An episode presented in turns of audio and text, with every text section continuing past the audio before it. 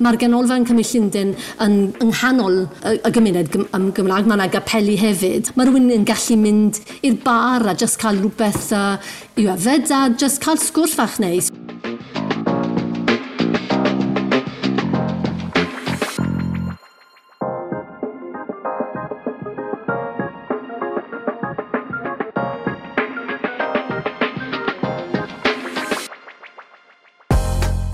Helo a chroeso i hefyd y podlediad am fywydau a phrofiadau dysgwyr Cymraeg.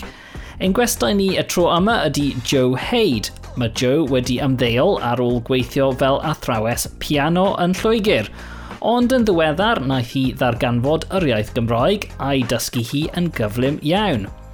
Erbyn hyn, mae hi'n rhan o'r gymuned Gymraeg yn Llundain, ac mae hi hefyd wedi darganfod barddoniaeth ac ennill gwobrau am ei cherddi. Cyn i ni ddechrau, dwi eisiau ymddeheiro am ansawdd y sain yn ail hanner y podlediad yma. Cawson ni gwbl o broblemau technegol, ond dwi'n siŵr na fydd hynny yn sbwylio sgwrs diddorol yma. Hefyd, diolch i'r rai ohonych chi nath ymateb i cwestiwn y mis ar Twitter. Byddai'n rannu rai o'r atebion ar ôl y sgwrs. Ond banta ni, a dechreuais i'r sgwrs gyda Joe gan ofyn pryd ddechreuodd hi dysgu Cymraeg nes i ddechrau tu a diwedd 2019, felly wi bron a bod wedi cyrraedd pedair blynedd ers fi ddechrau. Wel, yeah. dim quite wedi cyrraedd y pedair mlynedd i'n nwyd. Wel, bron a bod, Bron yeah. a bod, bron a bod. um, ond uh, cyn i ni symud ymlaen i ffeindio mas beth yw dy gyfrinach chdi, um, pam nes ti ddechrau uh, dysgu a defnyddio'r Gymraeg uh, yn y lle gyntaf? Wel, cyn i fi ddechrau dysgu, uh, o'n i wedi bod yn hala eitha lot o amser gyda ngŵr yn teithio gwmpas De Cymru yn y camperfan. Felly, uh, ni wedi cwmpa mewn cariad a wlad yn y lle cyntaf. ac wrth gwrs, erbyn hynny, o'n i wedi dechrau bod yn ymwybodol o'r iaith. Um, un diwrnod ni wedi stopio mewn uh, yn y gwasanaethau a traffir, a dyna oedd yr amser nes i clywed merch yn siarad â'i mam, Ac um, sa'n gwybod, wi jyst wedi clywed rhywbeth am yr iaith nath nenu fi ati hi. Ac felly nes i ddechrau trio darllen yr arwyddion ar y traffyrdd, ar y daith gatre.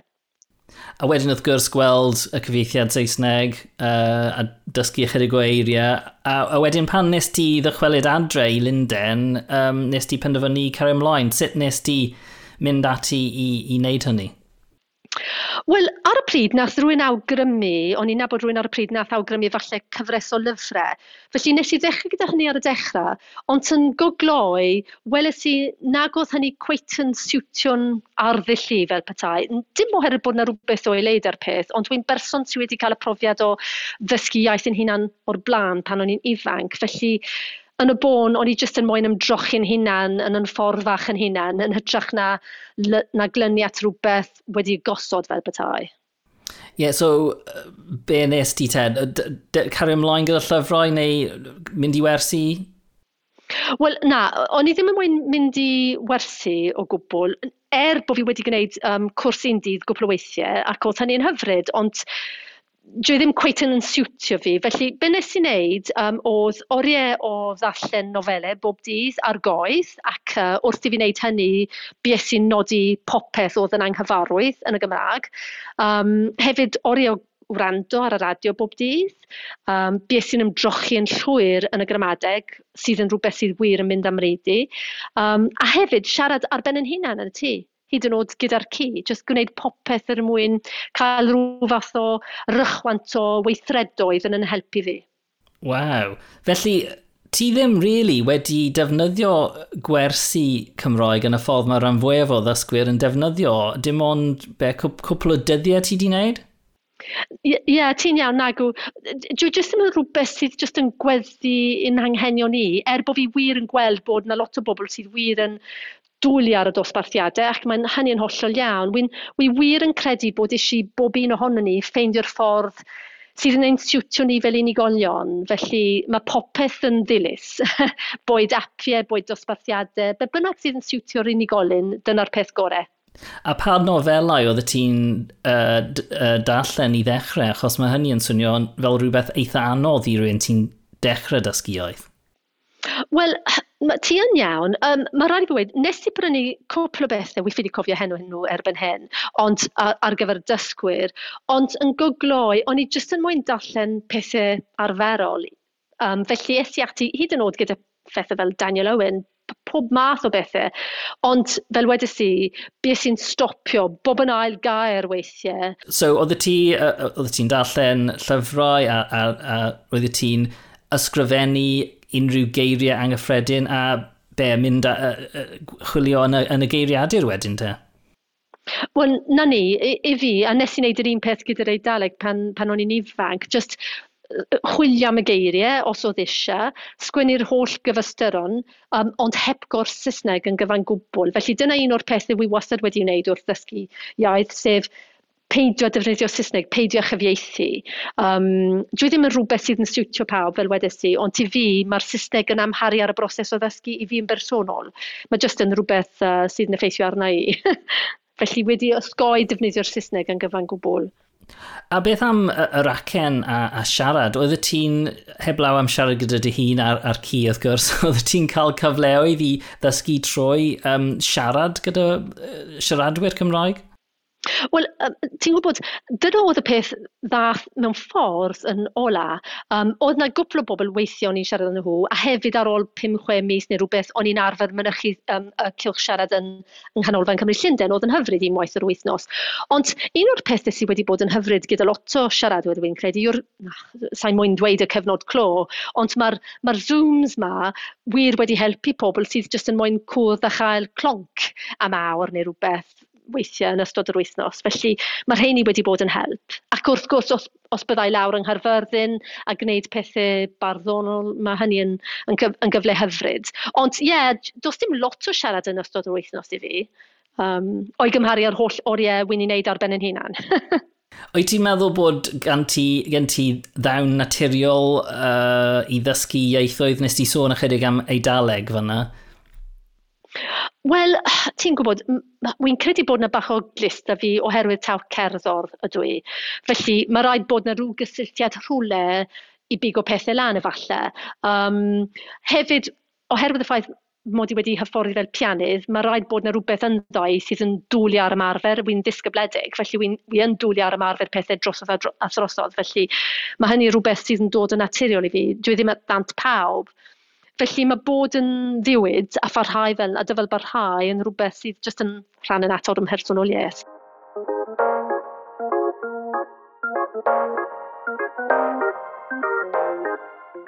So, um, erbyn hyn wrth gwrs, ti'n gallu siarad y iaith yn rhigol. Um, a hoffwn i o bod ychydig bach mwy am y Gymroeg yn Llundain, achos ti di wneud y dysgu yma yn Llundain, wrth gwrs, ti ddim yn rhan o Gymru. Um, ond sut, sut wyt ti'n dysgu Cymraeg a defnyddio'r Gymraeg yn Llundain? Ydy'r iaith yn uh, amlwg mewn rhan o'r prif, uh, prifddinas uh, Pryden? Oes, oes lot o gyfleoedd? Wel, cyn i fi ddechrau dysgu, o'n i ddim yn gwybod bod na gymuned Gymraeg yn Llundain, ond mae'n amlwg bod na gymuned hanesyddol hefyd sydd wedi bodoli ers ache. Mae'r ganolfan Cymru Llundain yn, wel, yng nghanol um, y gymuned ym Gymraeg, mae yna gapeli hefyd.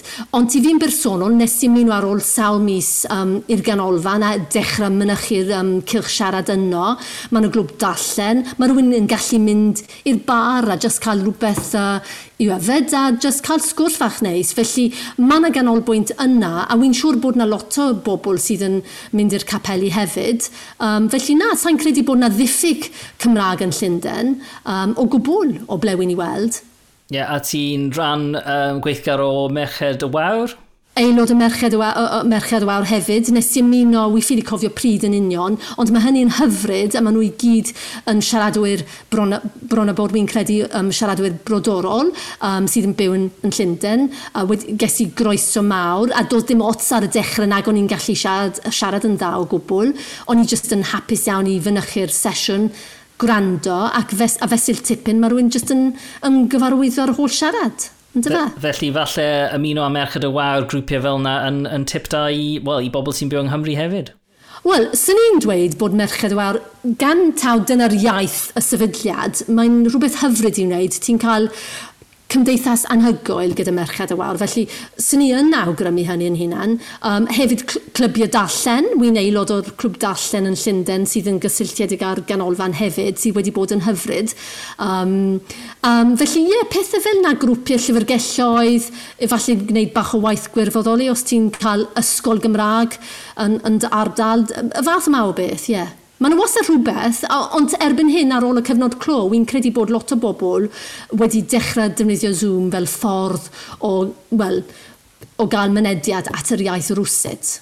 Ie, yeah, a ti wedi manteisio ar y cyfle yna, really, trwy'r pandemig, ynddi ti? Ydw, ydw. Mae ma clonci yn digwydd, mae rhywun yn gallu cael sgwrs, mae rhywun yn gallu talu am gael awr o sgwrs ar rhywun, felly mae yna siwt gymaint o bosibiliadau. A hefyd, hyd yn oed, ni'n meddwl am yr holl broblemau sydd ohoni gyda chostau byw a phethau, mae'n neis iawn gwybod nag os eisiau ti dalu am uh, y tren a phethau, meddwl am yr ymgylchedd hefyd, gwneud rhywbeth dros Zoom am awr. Fantastic, ie. Yeah. A un agwedd arall o'r iaith uh, a pethau ti wedi bod yn wneud yw uh, barddoniaeth. Um, a oedd hynny yn rhywbeth oedd ti'n wneud cyn dysgu Cymraeg neu ydy yn rhan o, o ddysgu? Nag oedd, dim o gwbl wedi dweud hyn o'r blaen, felly sori os wy'n bach yn ailadrodd llyd. Ond y peth yw, cyn blwyddyn a hanner yn ôl, o'n i eriod wedi darllen barddoniaeth o'r blaen o gwbl yn Saesneg, heb sôn am y, yn y Gymraeg. Ond yn ystod y cyfnod clo, tu a diwedd 2020, um, mis rhagfyr neu rhywbeth fel yna, o'n i wedi dechrau gwrando ar y podlediad Clera, wir wedi mwynhau'r y, y podlediad. Ac un o'r pethau nath yn haro fi, wel yn gyntaf gyd nes i glywed y gair cynghanedd ac o'n i eriod wedi clywed am hynny o'r blaen. Felly nes, i ati unwaith eto i lyncu pob llyfr am y pwnc hwnnw. Ond hefyd, gan fy mod i'n parablu yn rhy gloi, ac wy'n gwybod taw dyna rhyw fath o wendid sydd â fi, um, o'n i'n meddwl bod darllen barddoniaeth yn rhywbeth efallai allan helpu fi i arafu tipyn bach. Felly dyna, dyna oedd y sbardyn ar dechrau. Ond wedyn ni, just iaith arall ydy cynganeddu. Felly es i ati ymuno ag Ysgol Farddol Carfyrddin, oedd pawb mor groesawgar ac uh, beth ers hynny wedi parhau. Ie, yeah, jyst yn dwlu ar y peth. Dwlu ar greu. Ie, yeah, ie. Yeah. A beth sy'n dy ysbrydoli di yn dy, far, dy, yn dy farddoniaeth di? O, oh, mae hynny'n gwestiwn anodd iawn oherwydd wi ddim yn gwybod bod na ateb i hynny. Just bywyd mhrofiadau, be bynnag sydd yn dod. Wi, wi ddim yn meddwl, wi ddim yn cynllunio pethau fel yna. mae rhywun yn just yn mynd gyda'r awen, be bynnag sydd yn dod.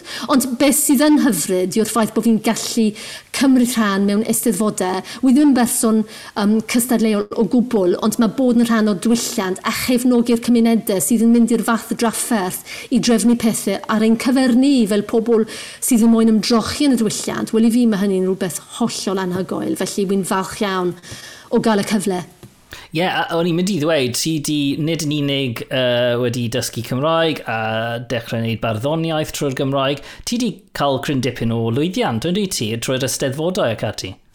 Wi wedi bod yn lwcus. Mae ma rhaid i fod yn ollon yn est. Um, ond ie, yeah, iawn, yeah, i'n lwcus iawn gysur uh, gadar yn um, Llandidoch a hefyd yn ddiweddar y goron yn um, Llanbed. Felly o'n i'n lwcus a phethau, tim bach o bethau eraill hefyd.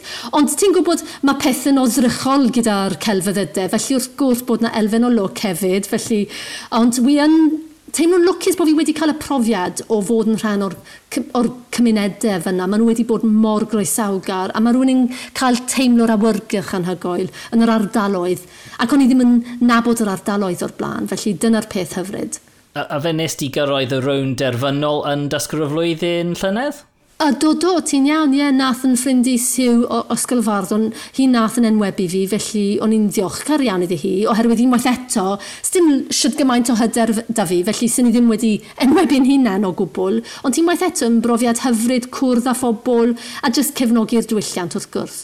Waw, da iawn ti. So, ti di cyrraedd lefel mor anhygol o dda. O'i ti wedi yn ywedig ers pandemig, wyt ti wedi cael lot o gyfle i mynd allan i gwrdd a Chymru Cymraeg yn, yng Nghymru? Wyt ti wedi dod i Gymru llawer a, a, a teithio a defnyddio'r iaith? Ydw, ydw. A fi lawr i Gymru o, o le o bob yn alw wythnos, fyddai'n hala lot amser yng Nghymru ac yn, yn wedyn yng Nghaerfyrddin, sydd yn ardal hyfryd oherwydd mae rhywun yn gallu mynd i mewn i'r siopau a chael sgwrs yn y Gymraeg yn hollol naturiol sydd yn hyfryd. A hefyd wrth gwrs fe fyddai'n ymuno â sesiwn ysgolfaddol yng Nghaerfyrddin, felly mae hynny yn amlwg yn brofiad anhygoel i fi. Maen nhw wedi bod fel teulu fi, felly wy'n falch iawn. Um, ie, yeah, felly cymaint o bethau. Nawr, o'n i'n mynd i ofyn o ran dysgu, gan bod ti wedi dysgu mor dda, mor gyflym, beth yw uh, top tips, pa cyngor fydde ti'n rhoi i, i ddysgwyr uh, eraill sy'n gwrando? Gosh, sa'n gwybod sy'n ni hyd yn oed yn rhyfygu roi tips oherwydd yn fy marn i pawb at y peth y bo. Felly mae yn anodd iawn dweud oherwydd ni gyd yn gorfod ffeindio'r y peth sydd yn ein siwtio ni. Ond be bynnag sydd yn gwneud i rhywun fwynhau Dyna'r peth yn y bôn. Os oes rhywun yn dwlu ar dosbarthiadau, ewch ati nhw, neu be bynnag apiau, be bynnag sydd yn gwneud i rhywun fwynhau'r holl broses. Um, wi ddim yn gallu rhoi rhyw fath o prescription i'r peth, ond i fi yn bersonol cyfuniad o ddarllen, gwrando, siarad a sgwennu. Dyna'r peth, cael cyflino, um, cyfuno'r holl elfennau yna. Oes unrhyw beth sydd wedi bod yn arbennig o anodd uh, wrth dysgu Cymraeg falle i gymharu gyda'r Eidaleg er enghraifft?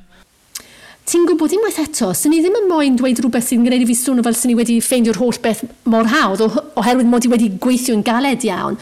Ond wy ddim yn gweld yr iaith Gymraeg yn anoddach na, na geithioedd eraill. Uh, mae rhaid fod yn hollol... Mae yna elfennau sydd bach yn anhysbys o'i gymharu a ti'n gwybod mae pawb yn sôn am y treigladau phethau, ond mae yna wastad rhywbeth mewn ieithoedd sydd yn gallu bod yn her.